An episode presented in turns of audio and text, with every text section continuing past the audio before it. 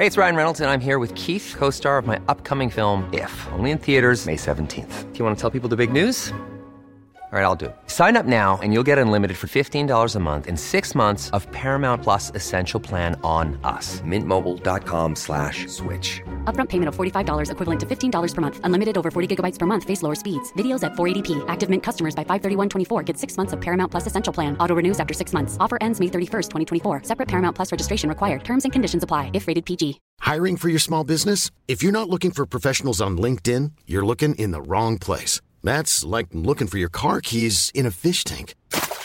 LinkedIn helps you hire professionals you can't find anywhere else, even those who aren't actively searching for a new job but might be open to the perfect role. In a given month, over 70% of LinkedIn users don't even visit other leading job sites. So start looking in the right place. With LinkedIn, you can hire professionals like a professional. Post your free job on linkedin.com slash people today.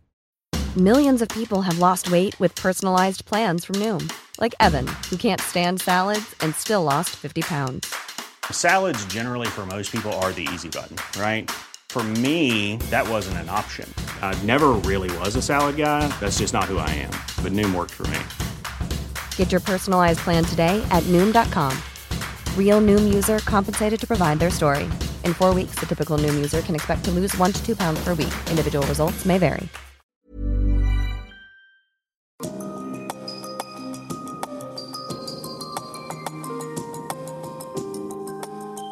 Du lytter til podkast fra Oslo Militære Samfunn. Besøk vår hjemmeside oslomildsamfunn.no, og se oss også på Facebook, Twitter og LinkedIn. Forsvarssjef, generaler, admiraler. Hjertelig velkommen, alle sammen, medlemmer og gjester, til høstsemesterets første møte i Oslo Militære Samfunn. I aften har vi besøk av sjef Luftforsvaret, generalmajor Tonje Skinnerland. Takk for sist til deg. Velkommen tilbake til talestolen vår. Og Temaet er status og utfordringer i Luftforsvaret.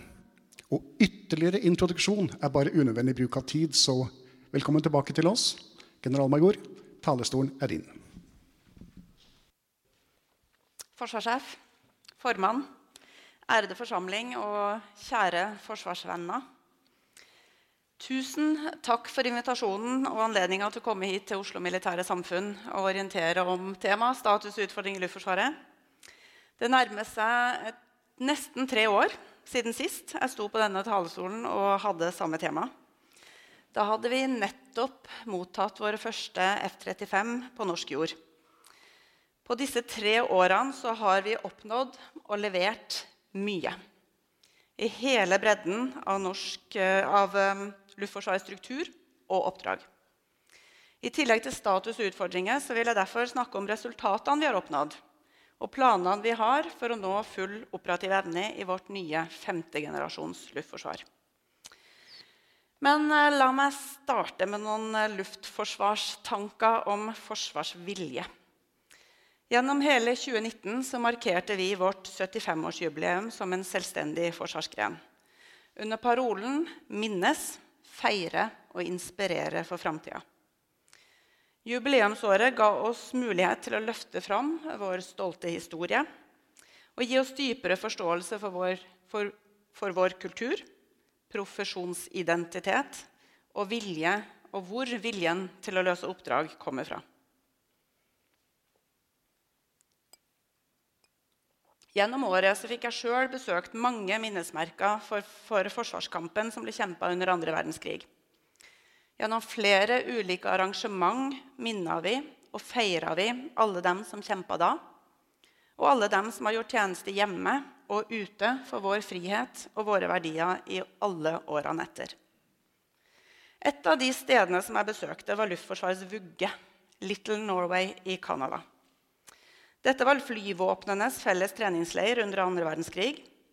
Little Norway ble ledet av en av Luftforsvarets legender, Ole Reistad. Little Norway var stedet der både teknisk og operativt personell ble utdanna for senere å forme norske skvadroner under britisk ledelse, som kjempa sammen med våre allierte mot nazistene.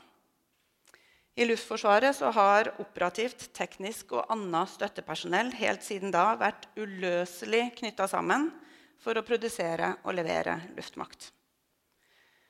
Ole Reistad sitt lederskap og norsk ungdoms vilje til å melde seg til tjeneste i kampen for et fritt Norge skapte den legendariske 'Spirit of Little Norway', som fortsatt inspirerer oss den dag i dag. I dag er vår største oppgave å inspirere nye medarbeidere til å velge et yrke hos oss og motivere alle våre dyktige kvinner og menn som er i Luftforsvaret i dag, til å bli med oss inn i framtidas femtegenerasjons luftforsvar.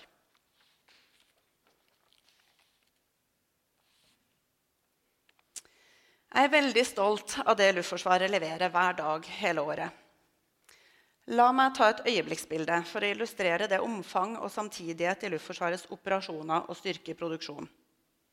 Jeg kunne valgt forrige uke, da vi avskjærte flere russiske fly, gjennomførte vellykka samvirketrening med allierte bombefly og hadde forsterka kampflyberedskap gjennom helga. Eller jeg kunne valgt andre uka i mars, da vi ivaretok både Iceland Air Policing, Kura hjemme samtidig som vi hadde forsterka kampflyberedskap fra Bodø og Ørland pga. stor russisk aktivitet. Den uka gjennomførte vi forresten første identifikasjon av russiske fly med F-35. Men jeg velger meg et annet øyeblikksbilde fra en historisk dag i moderne luftforsvarshistorie. 6.11.2019. Da hadde jeg som sjef i Luftforsvaret det store privilegium å erklære initiell operativ evne med vårt nye kampfly F-35. Dette var en stor og viktig milepæl i den pågående moderniseringa av hele Forsvaret. Og et resultat av flere års hardt arbeid fra veldig mange mennesker hos mange aktører over lang tid. Samme dag var Luftforsvaret engasjert i tre pågående operasjoner. I inn- og utland. Vi hadde transportflybidrag med C-130 i Mali til støtte for FN-operasjonen MINUSMA. Flere av våre F-16 deltok i eskorte amerikanske strategiske bombefly på oppdrag i våre nærområder. Og I tillegg var vårt MPA-miljø og luftoperasjonssenter sentrale aktører i en pågående alliert ubåtjakt i Atlanterhavet. Samtidig ivaretok vi, som vi alltid gjør, luftovervåkning, kampflyberedskap for, for suverenitetshevdelse Stående helikopterberedskap for søk, redning og kontraterror. Vakt og sikring på alle våre baser og styrkeproduksjon i alle våre avdelinger. Dette øyeblikksbildet og mange andre illustrerer den nye normalsituasjonen. Det er økt alliert og russisk aktivitet i våre nærområder, som krever dynamiske operasjoner her hjemme. I tillegg gjennomføres stående beredskap, styrkeproduksjon for Luftforsvaret tidvise bidrag til internasjonale operasjoner og innfasing av flere nye systemer samtidig. Alt dette får vi til takket være svært dyktige og dedikerte kvinner og menn. Men vi er for få, og vi er for lite robuste. Derfor var mine innspill til FMR, som forsvarssjefen i stor grad tok med seg i sitt endelige fagmilitære råd, fokusert på å få det vi har, og det vi skal få, til å virke. Herunder behov for styrking av personell og kompetanse i både freds- og krigsstrukturen. Mer robuste logistikk- og vedlikeholdsløsninger som, som sikrer tilgjengelighet på materiellet vårt. Mer robust og fleksibelt kommando og kontroll for samvirke i alle domener. Og sterkere sikring og beskyttelse av basene. Jeg er fornøyd med at vedtatt modernisering og styrking av Luftforsvaret opprettholdes i regjeringens forslag til ny LTP. Samtidig er jeg bekymra for at en ytterligere styrking innen personell og kompetanse er mindre enn nødvendig, og at satsingen på luftvern er mindre i volum enn anbefalt og samtidig skyves ut i tid. Begge disse temaene vil jeg komme tilbake til, men først skal jeg zoome litt ut. Det strategiske bakteppet med en mer alvorlig og uforutsigbar sikkerhetspolitisk situasjon bør være godt kjent for denne forsamling. Jeg vil kunne reflektere kort over hvordan den militærstrategiske utviklinga påvirker vår tenkning om luftmakt i dag og i framtida. Nordområdene er et strategisk viktig område for Russland. Beskyttelsen av de strategiske ubåtene og basene på Kola har naturlig nok høy prioritet. Utviklingen av infrastruktur i Arktis vitner om Russlands vilje til å sikre nasjonal kontroll gjennom militær tilstedeværelse. En utgruppering av russisk bastionsforsvar vil innebære at Russland øker, søker å ta kontroll og påføre nektelse i samtlige domener i store deler av Arktis og Nord-Atlanteren. Da vil store deler av norsk luftrom, norsk økonomisk sone og våre landområder i praksis befinne seg bak russiske forsvarslinjer. Russisk evne til såkalt anti-access area denial, A2AD-operasjoner, påvirker derfor i stor grad hvordan vi bør innrette vårt eget forsvar. I tillegg utvikler russisk forsvarsindustri stadig bedre missiltyper med økt rekkevidde og bedre presisjon som kan fyres fra land, sjø, under vann og ifra lufta. Dermed kan mål i alle domener rammes med svært kort varslingstid. Oppsummert viser russiske militære disponeringer i nord en betydelig stormaktsambisjon. Natos økte oppmerksomhet om Nord-Atlanteren og USAs økte fokus på Arktis er en velkommen utvikling for Norge. At vi øver og trener sammen med våre allierte i våre nærområder, er viktig for alliert avskrekking og for vår samla forsvarsevne. Samtidig er det avgjørende viktig at vi styrker vår nasjonale evne til å være Nato i nord. Målet for all vår aktivitet, alene eller sammen med allierte, bør fortsatt være å opprettholde stabilitet og forutsigbarhet i Arktis gjennom å balansere avskrekking og beroligelse overfor Russland. Det betinger tett og god dialog og samvirke med våre allierte om utviklingen i nordområdene. Det er helt avgjørende for å kunne opprettholde denne balansen i framtida. Jeg er derfor veldig stolt av at jeg i november 2019 signerte en avtale med sjefen for United States Air Force om tettere samarbeid innen felles situasjonsforståelse, felles operasjoner, felles øving og trening i våre nærområder. Vi har allerede hatt gode stabssamtaler, og sjefen for USAF Europe har allerede vært på besøk i Norge for å utdype dette samarbeidet. Det er den militærstrategiske utviklingen som har, som har, vært og må være dimensjonerende for framtidas luftmakt i en fellesoperativ og alliert ramme. Og framtidas luftmakt den er på god vei. Jeg vil nå gå gjennom hva Luftforsvaret har oppnådd så langt, altså status, hvilke planer som ligger for videre utvikling, og noen hovedutfordringer. Jeg vil gjøre det gjennom å fokusere på hovedoppdragene våre og strukturen og kompetansen som kreves for å løse disse. Regjeringen har beskrevet ambisjonen for Luftforsvaret i krise og krig å kunne sikre handlefrihet for egne og allierte land, sjø og luftstyrker, samtidig som en motstander nektes det samme. I Luftforsvaret kaller vi dette å ha luftkontroll. Luftkontroll oppnås gjennom et system av systemer som vi kaller luftkontrollsystemet. Det består av luft luftovervåkning, kampfly, luftvern og beskytta baser som planlegges og ledes gjennom et luftkommandokontrollapparat. La meg starte med status og planer innenfor luftkommandokontroll.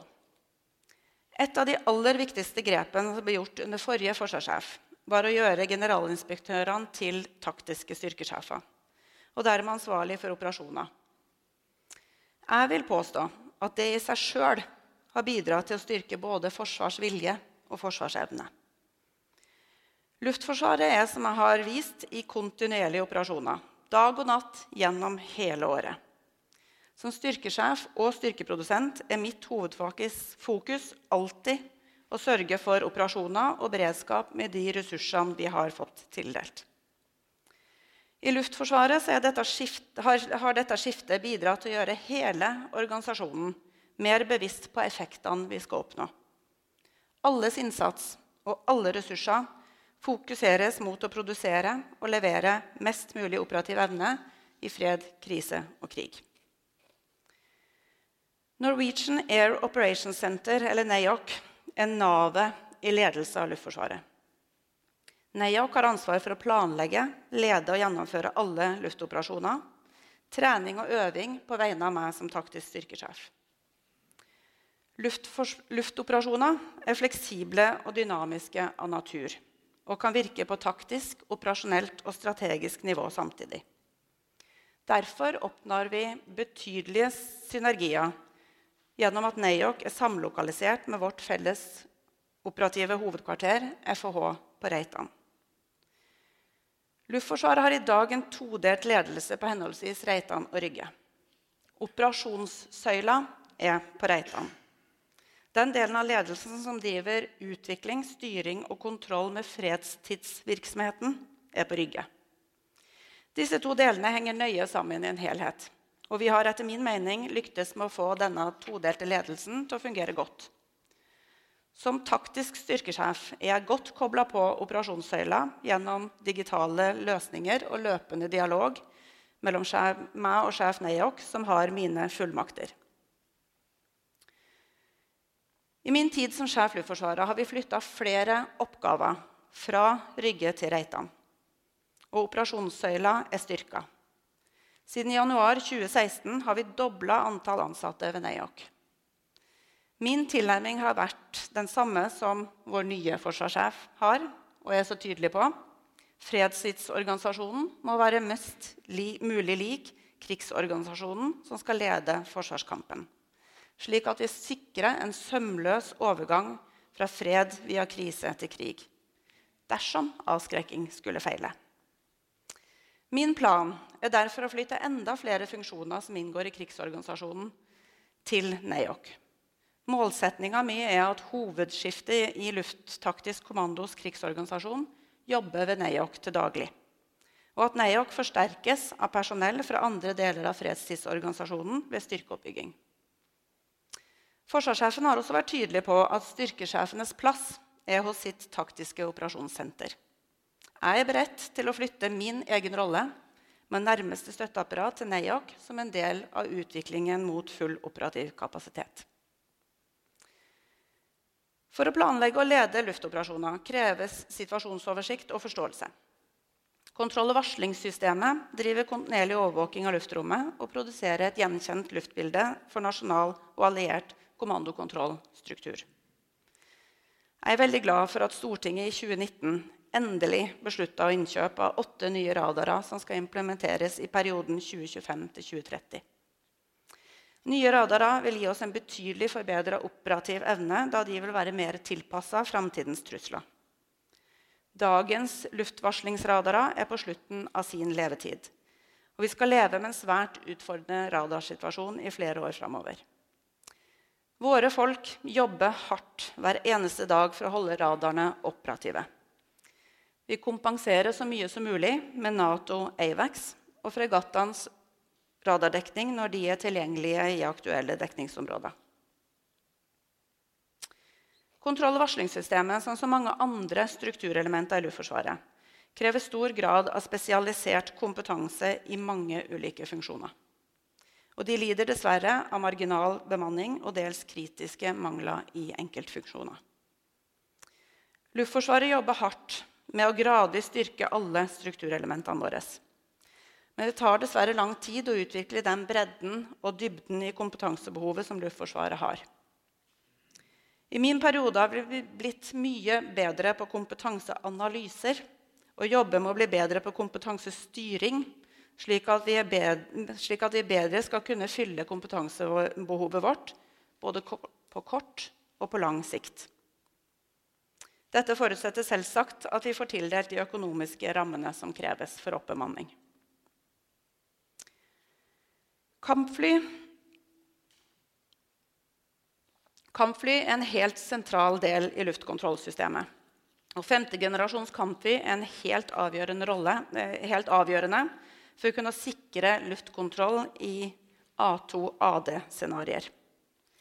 F-35 sin kombinasjon av lav radarsignatur, formidabel sensorkapasitet og integrerte våpen gjør det mulig å operere innafor dekningsområdene til en fiendes luftvernsystemer.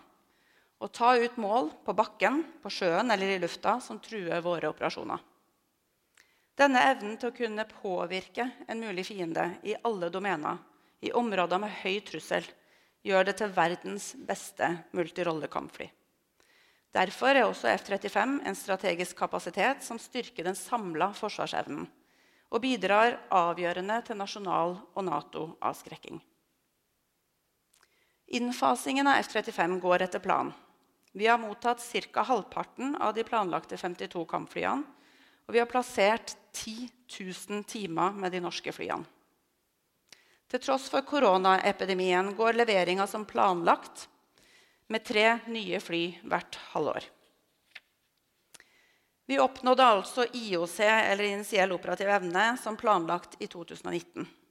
At vi kun kort tid etterpå deployerte F-35 til vårt første utenlandsoppdrag for å dekke Nato Air Policing på Island, fikk stor oppmerksomhet og ble høyt verdsatt i Nato.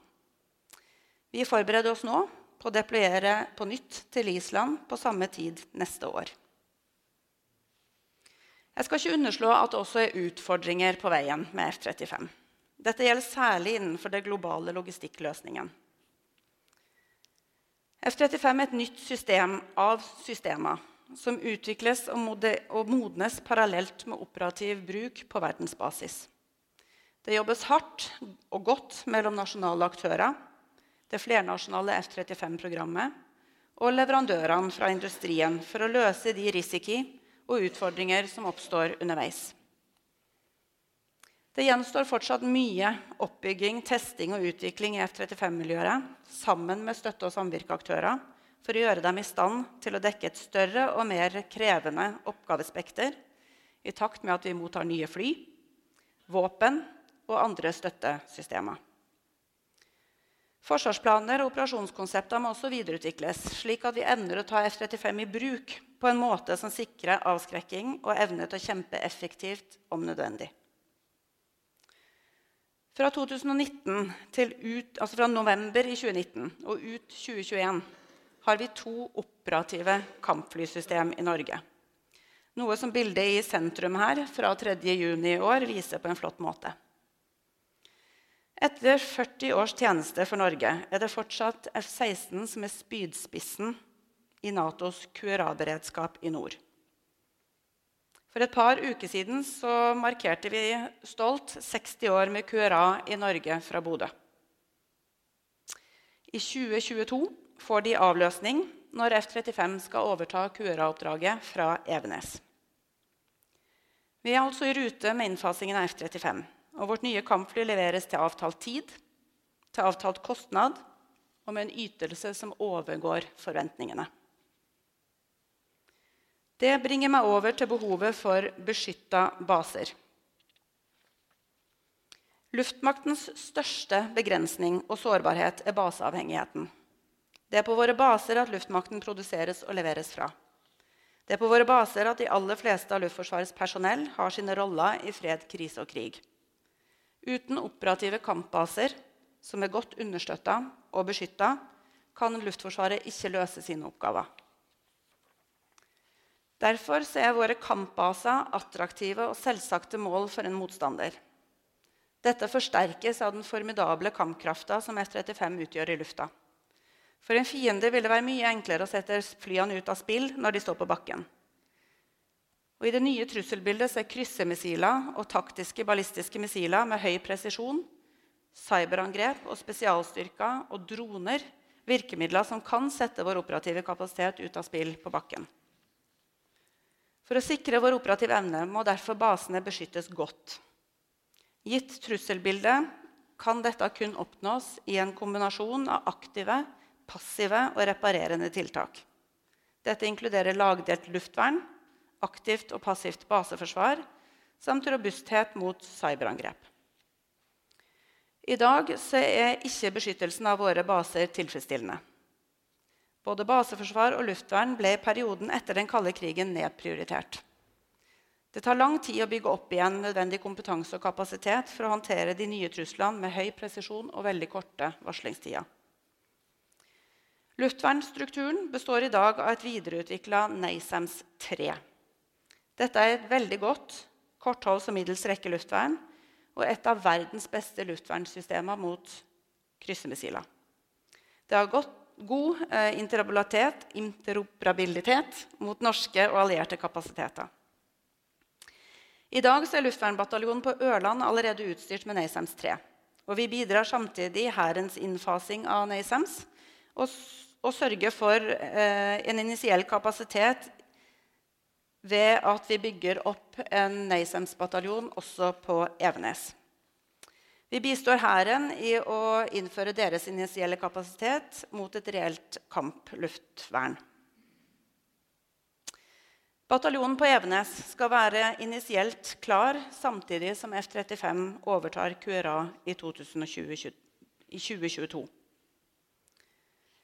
Men i dagens trusselbilde er planlagt mengde NASAMS 3-materiell ikke nok. Det er kun med riktig mengde og miks av luftvernsystemer at vi kan etablere god nok beskyttelse på kampbasene våre og for styrker i felt. I dag mangler vi nødvendig miks i luftverndekninga på veldig kort og på lengre hold. Bedre beskyttelse av kampbasene var en av mine tydeligste anbefalinger inn mot det fagmilitære rådet. Jeg er glad for at regjeringa ønsker å bedre evnen til både baseforsvar og luftvern i forslaget til ny LTP, selv om volumet er bekymringsverdig lavt. En planlagt videreutvikling av NASAMS 3 med moderne sensorer og innføring av et komplementær kapasitet med kortere missiler med kortere rekkevidde vil bedre beskyttelsen av kampbasene. Jeg er imidlertid bekymra for at den planlagte investeringa i langtrekkende luftvern med kapasitet mot taktiske ballistiske missiler eh, er utsatt i tid i betydelig grad. Langtrekkende luftvern med kapasitet mot taktisk basilistiske missiler er en forutsetning for at vi skal kunne beskytte både kampbasene og hovedmottaksområdene for alliert forsterkning, som ligger i samme regioner, i henholdsvis Ofoten, Trøndelag og Oslofjordområdet. Uansett hvor mye og bra luftvern vi har, vil vi ikke kunne hindre alle missiler, eh, hindre alle missiler fra å trenge gjennom. Baseforsvarsevne til å reparere rullebaner og annen kritisk infrastruktur samt passive tiltak som flysheltere osv. er derfor viktig. Luftforsvaret jobber med utvikling av framtidsretta konsepter for hurtig reparasjon av rullebaner og annen infrastruktur. I samarbeid med FFI jobbes det også med å finne framtidsretta løsninger for aktivt baseforsvar, med økt bruk av ulike typer sensorteknologi og nye løsninger for kommunikasjon og informasjonsdeling som skal gjøre baseforsvaret mer effektivt og mindre personellintensivt. Vi tester også ulike konsepter for å håndtere dronetrusselen. Vi samarbeider også tettere med Heimevernet både lokalt og sentralt nivå for å bedre samvirke og utvikle felles konsept og kapasitet for områdeforsvar. Vi må samarbeide om å beskytte både region og kampbase. Ryan Reynolds here from Mint Mobile. With the price of just about everything going up during inflation, we thought we'd bring our prices down. So to help us, we brought in a reverse auctioneer, which is apparently a thing. Mint Mobile unlimited premium wireless. Ready to get 30, 30, bit to get 30, bit to get 20, 20, 20, bit to get 20, 20, bit to get 15, 15, 15, 15 just 15 bucks a month. So, Give it a try at mintmobile.com/switch. slash $45 up front for 3 months plus taxes and fees. Promo rate for new customers for limited time. Unlimited more than 40 gigabytes per month slows. Full terms at mintmobile.com. Hiring for your small business? If you're not looking for professionals on LinkedIn, you're looking in the wrong place. That's like looking for your car keys in a fish tank. LinkedIn helps you hire professionals you can't find anywhere else, even those who aren't actively searching for a new job but might be open to the perfect role. In a given month, over 70% of LinkedIn users don't even visit other leading job sites. So start looking in the right place. With LinkedIn, you can hire professionals like a professional. Post your free job on linkedin.com slash people today. Som eh, dere forstår, så er det ekstremt ressurskrevende å beskytte en kampbase mot gjeldende trusselbilde. Det er derfor helt nødvendig at Luftforsvaret kraftsamler på tre baser med høy operativ stridsverdi. Kampbase Ørland i Midt-Norge har gjennomgått en ekstrem forvandling og er i dag en moderne kampbase, selv om det fortsatt pågår mye nødvendig bygge- og rehabiliteringsarbeid. Kampbase Evenes i Nord-Norge er under kraftig oppbygging for å bli hovedbase for våre nye maritime patruljefly P8, samt QRA-base og framskutt operasjonsbase for F-35. Nye bygninger reiser seg i rekordfart. Og fra 2022 skal vi være klare for F-35-operasjoner og initiell testing og opptrening med P8 fra norsk jord. Samtidig som at helt ny infrastruktur for MPA ferdigstilles. Evenes vil bli en stor og spennende arbeidsplass for om lag 800 ansatte og vernepliktige når alle kapasiteter er på plass og vi er fullt operative. I tillegg er Rygge mulig deployeringsbase i Sør-Norge. Og således kampbase dersom situasjonen skulle kreve det. Neste uke vil Rygge igjen være hovedarena for øvelse Falcon Response, der store deler av Luftforsvaret skal deployere for å øve deler av vårt luftoperative planverk sammen med våre samvirkepartnere. Så dere kan se fram til kampflyaktivitet i uke 38 og 39 på østlandsområdet.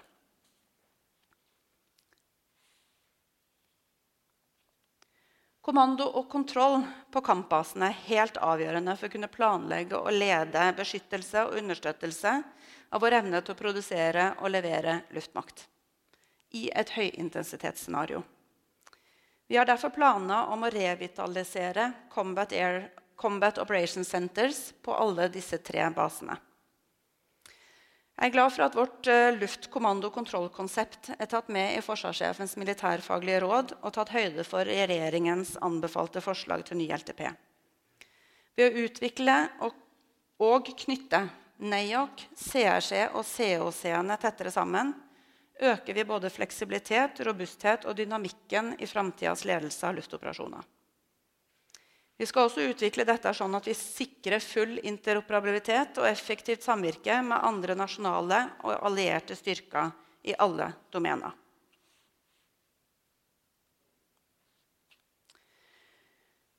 Da har jeg snakka om luftkontrollsystemet. Luftforsvaret har også viktige oppgaver innenfor informasjonsinnsamling til støtte for både Etterretningstjenesten og andre styrkesjefer. Og vi har avgjørende oppgaver innenfor maritim overvåkning og anti-ubåtkrigføring. Vår nye forsvarssjef valgte å reise til Andøya og Evenes på sitt første reise etter innsettelsen. Med det signaliserte han viktigheten av MPA-miljøet og den strategiske betydningen av Evenes og Ofoten-området. Den sikkerhetspolitiske utviklinga i nordområdene har ført til at maritim overvåkning og innsamling er viktigere enn noen gang. MPA-miljøet på Andøya gjennomfører operative tokt flere ganger i uka og sørger dermed med tilstedeværelse, innsamling og overvåkning i nord. De suppleres fra EK-flymiljøet, som deployerer regelmessig nordover, for det vi kaller OPS Nord-operasjoner. Begge miljøene gjør en imponerende innsats for å produsere og levere strategisk viktige operative leveranser på tross av aldrende flysystemer og marginal bemanning. Vi ser veldig fram til å motta P8, som skal erstatte rollene som i dag utføres av P3 Orion og DA20. Vi er godt i gang med de forberedende planene for mottak av de første flyene på Evenes i starten av 2022. De første crewene er allerede utdanna og lærer seg nå systemet svært godt å kjenne som instruktører og deltakere innenfor operativ test og evaluering hos US Navy i USA. Fra 2022 skal disse operere, teste og utvikle P8 fra norsk jord i norske forhold. Det skal gjøres fra midlertidige fasiliteter på Evenes fram til helt ny MPA-struktur står ferdig i løpet av 2023. Planen er å etablere initiell operativ evne med P8 i 2023 og fullt operative med fem fly og ti crew i 2025. Det er utfordrende å operere P3 og DA20 samtidig som vi konverterer og nyutdanner personell til P8 og bygger opp en ny kamp- og MPA-base på Evenes. Tidslinjene er veldig stramme, og det pågår svært mye byggearbeid samtidig som vi bygger opp luftvingen som skal lede dette. Som i F-35-prosjektet og oppbyggingen av Ørland har vi et svært godt og konstruktivt samarbeid med Forsvarsbygg, Forsvarsmateriell og alle andre aktører som vi er helt avhengige av for å lykkes. Innfasingen av P8 vil gi oss en betydelig kapasitetsøkning innenfor maritim overvåkning, innsamling og antiubåtkrigføring. Det gir oss også større potensial for enda tettere samarbeid med både USA og Storbritannia når de viktige ubåtjaktoperasjonene må gjennomføres for å holde kontroll på russiske strategiske ubåter på patrulje i Atlanterhavet. Sjøforsvaret med sine ubåter og fregatter er også helt sentrale i slike operasjoner. Våre maritime helikopter NH90 er helt avgjørende for fregattens antiubåtkapasitet. Denne våren embarkerte vi for første gang NH90 på Nansen-klasse fregatt. Og vi når stadig nye milepæler i utviklingen. 334-skvadronen er etablert på luftforsvarsbase Håkonsvern i Bergen. De første operative testene viser at antiubåtsensoren på NH90 er meget kapabel. Samvirketrening mellom ubåt, fregatt, NH90 og MPA har vært svært vellykka så langt. NH90 har potensial for å bli en meget god kapasitet innenfor antiubåtoperasjoner, som vil øke fregattenes operative evne betraktelig. Vi starta også kystvaktoperasjoner med NH90 i midten av 2019. 337-skvadronen seiler med Kystvakta så ofte som mulig. Dessverre ikke veldig ofte. Og NH90 har ved flere anledninger gjort en forskjell både i kystvakt-, søk- og redningsrollen i flere operasjoner. Men materielleveransen er altfor sein. Flytimeuttaket er for lite, og det er veldig dyrt å drifte. Hovedutfordringa med NH90 er en sterkt forsinka leveranse av helikoptrene og mangel på reservedeler fra leverandøren. Dette oppleves veldig frustrerende for alle oss som jobber hardt for å få helikopteret i operativ drift så raskt som mulig. NH90-systemet viser seg dessuten å være svært vedlikeholdskrevende som gir færre flytimer med høyere driftskostnader enn forventa og planlagt. Det vil derfor ikke være mulig å produsere og levere det antall timer som tilfredsstiller Sjøforsvarets behov i begge rollene. Planen for hvor mye som er realistisk å få ut av systemet, gjennomgås nå på nytt. NH90 er likevel en fantastisk kapasitet når det flyr. Og vårt fokus er å gjøre alt vi kan for å bli operative i begge rollene. Maritim helikopterving på Bardufoss, vår strategiske vedlikeholdspartner KAMS og alle aktører i forsvarssektoren jobber knallhardt for å få hele flåten operativ med gode logistikk- og vedlikeholdsløsninger så fort som mulig. Forutsatt at vi får tilgang på resterende helikopter og reservedelsflyten åpner seg som planlagt, sikter vi mot å være initielt operative med fregatthelikopter i 2022 og fullt operative i begge roller i 2024. Om enn med et mindre volum enn planlagt.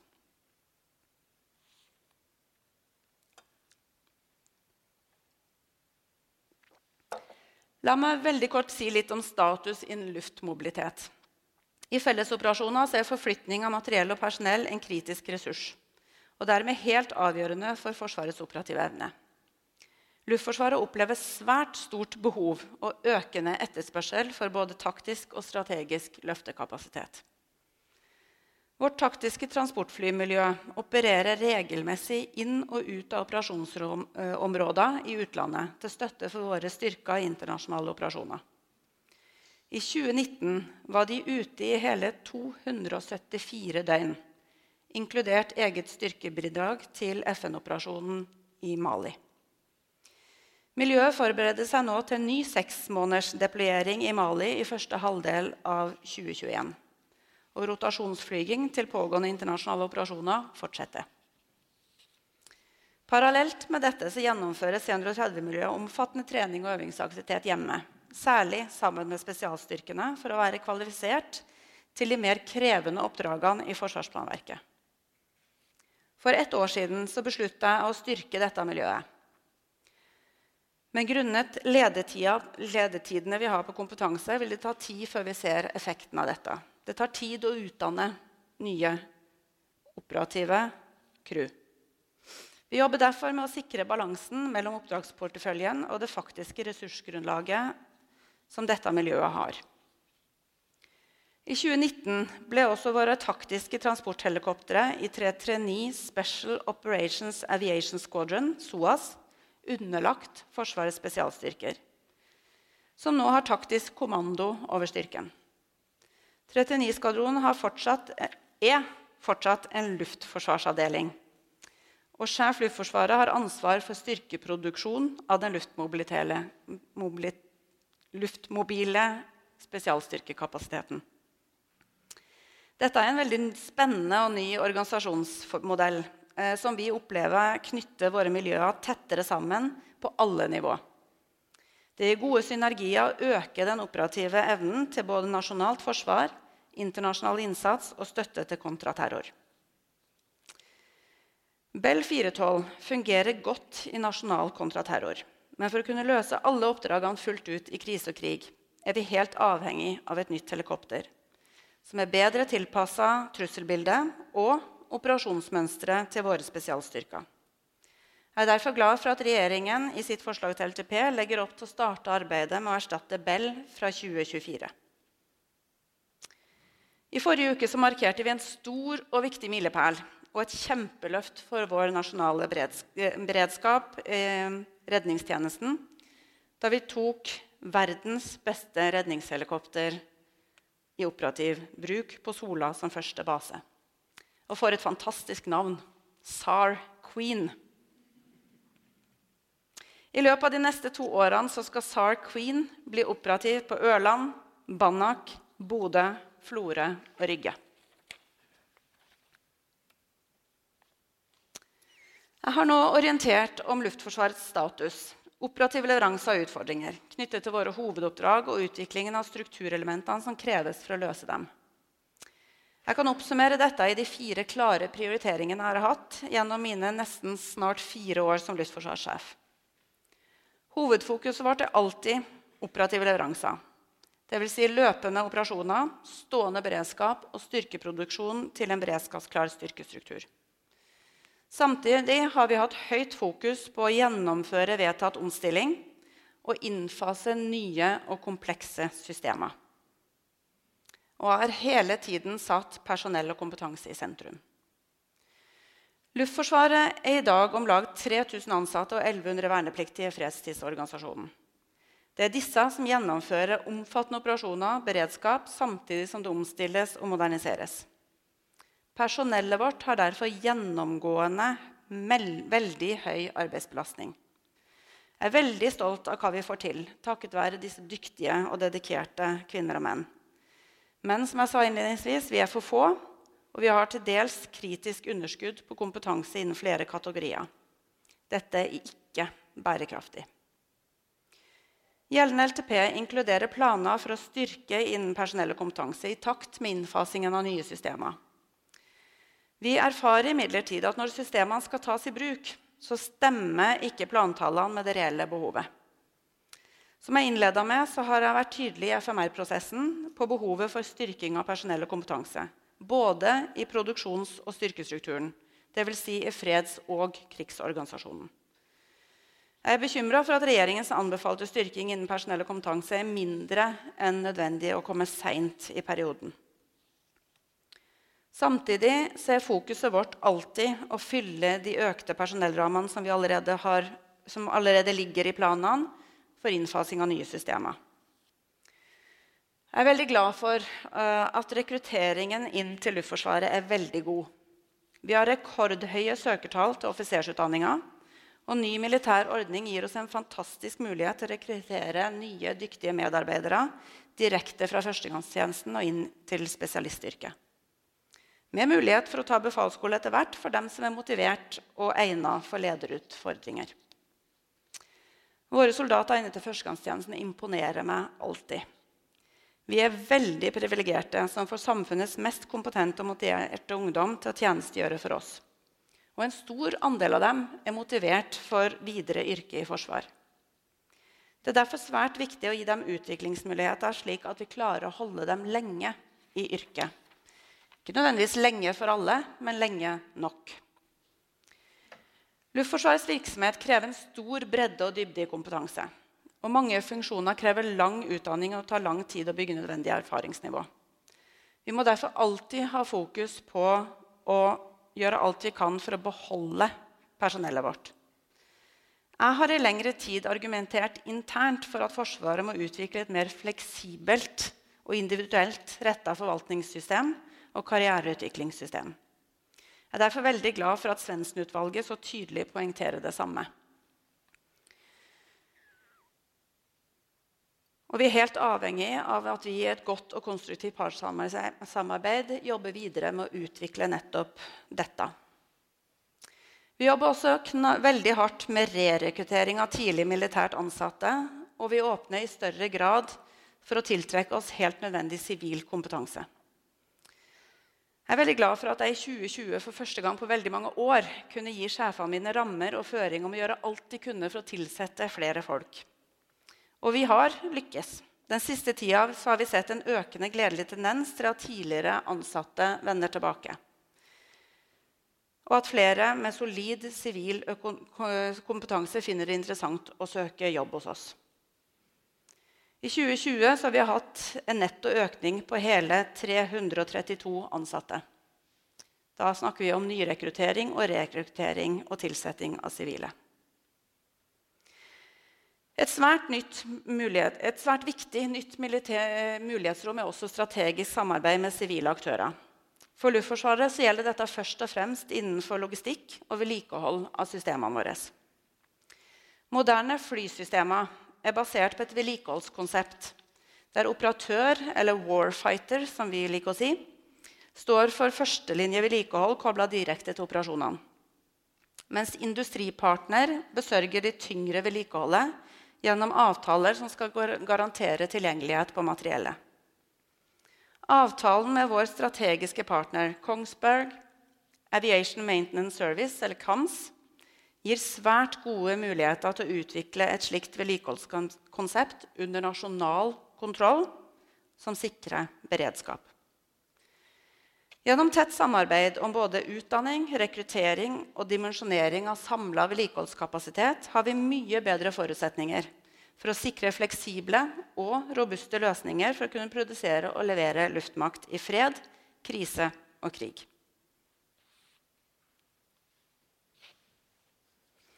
La meg oppsummere og avslutte. Luftforsvarets fokus hver dag er å produsere og levere luftmakt for å sikre luftkontroll og støtte til fellesoperasjoner i fred, krise og krig. Om få år vil vi være et av verdens mest moderne og kapable femtegenerasjons luftforsvar. Der kompetanse og teknologi samspiller. Som gir økt samvirke og effekt i alle domener og som har operativ evne til høyintensitetsoperasjoner alene og sammen med allierte. Reell operativ evne krever imidlertid at vi har tilstrekkelig personell med riktig kompetanse som er øvd og trent. Tilgjengelig materiell gjennom robuste logistikk- og vedlikeholdsløsninger. Robust og fleksibelt kommando og kontroll for samvirke i alle domener. Og at vi kan operere fra godt beskytta kampbaser. Status i dag er mindre tilfredsstillende.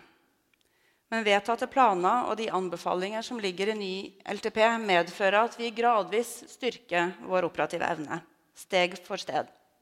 Forutsatt at planene finansieres.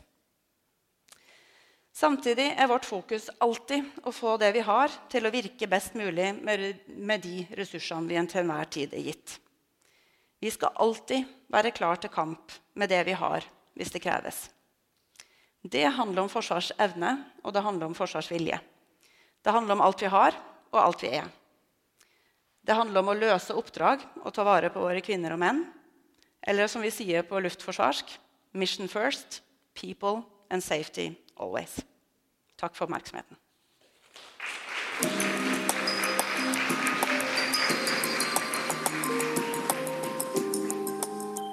Du har hørt podkast fra Oslo Militære Samfunn.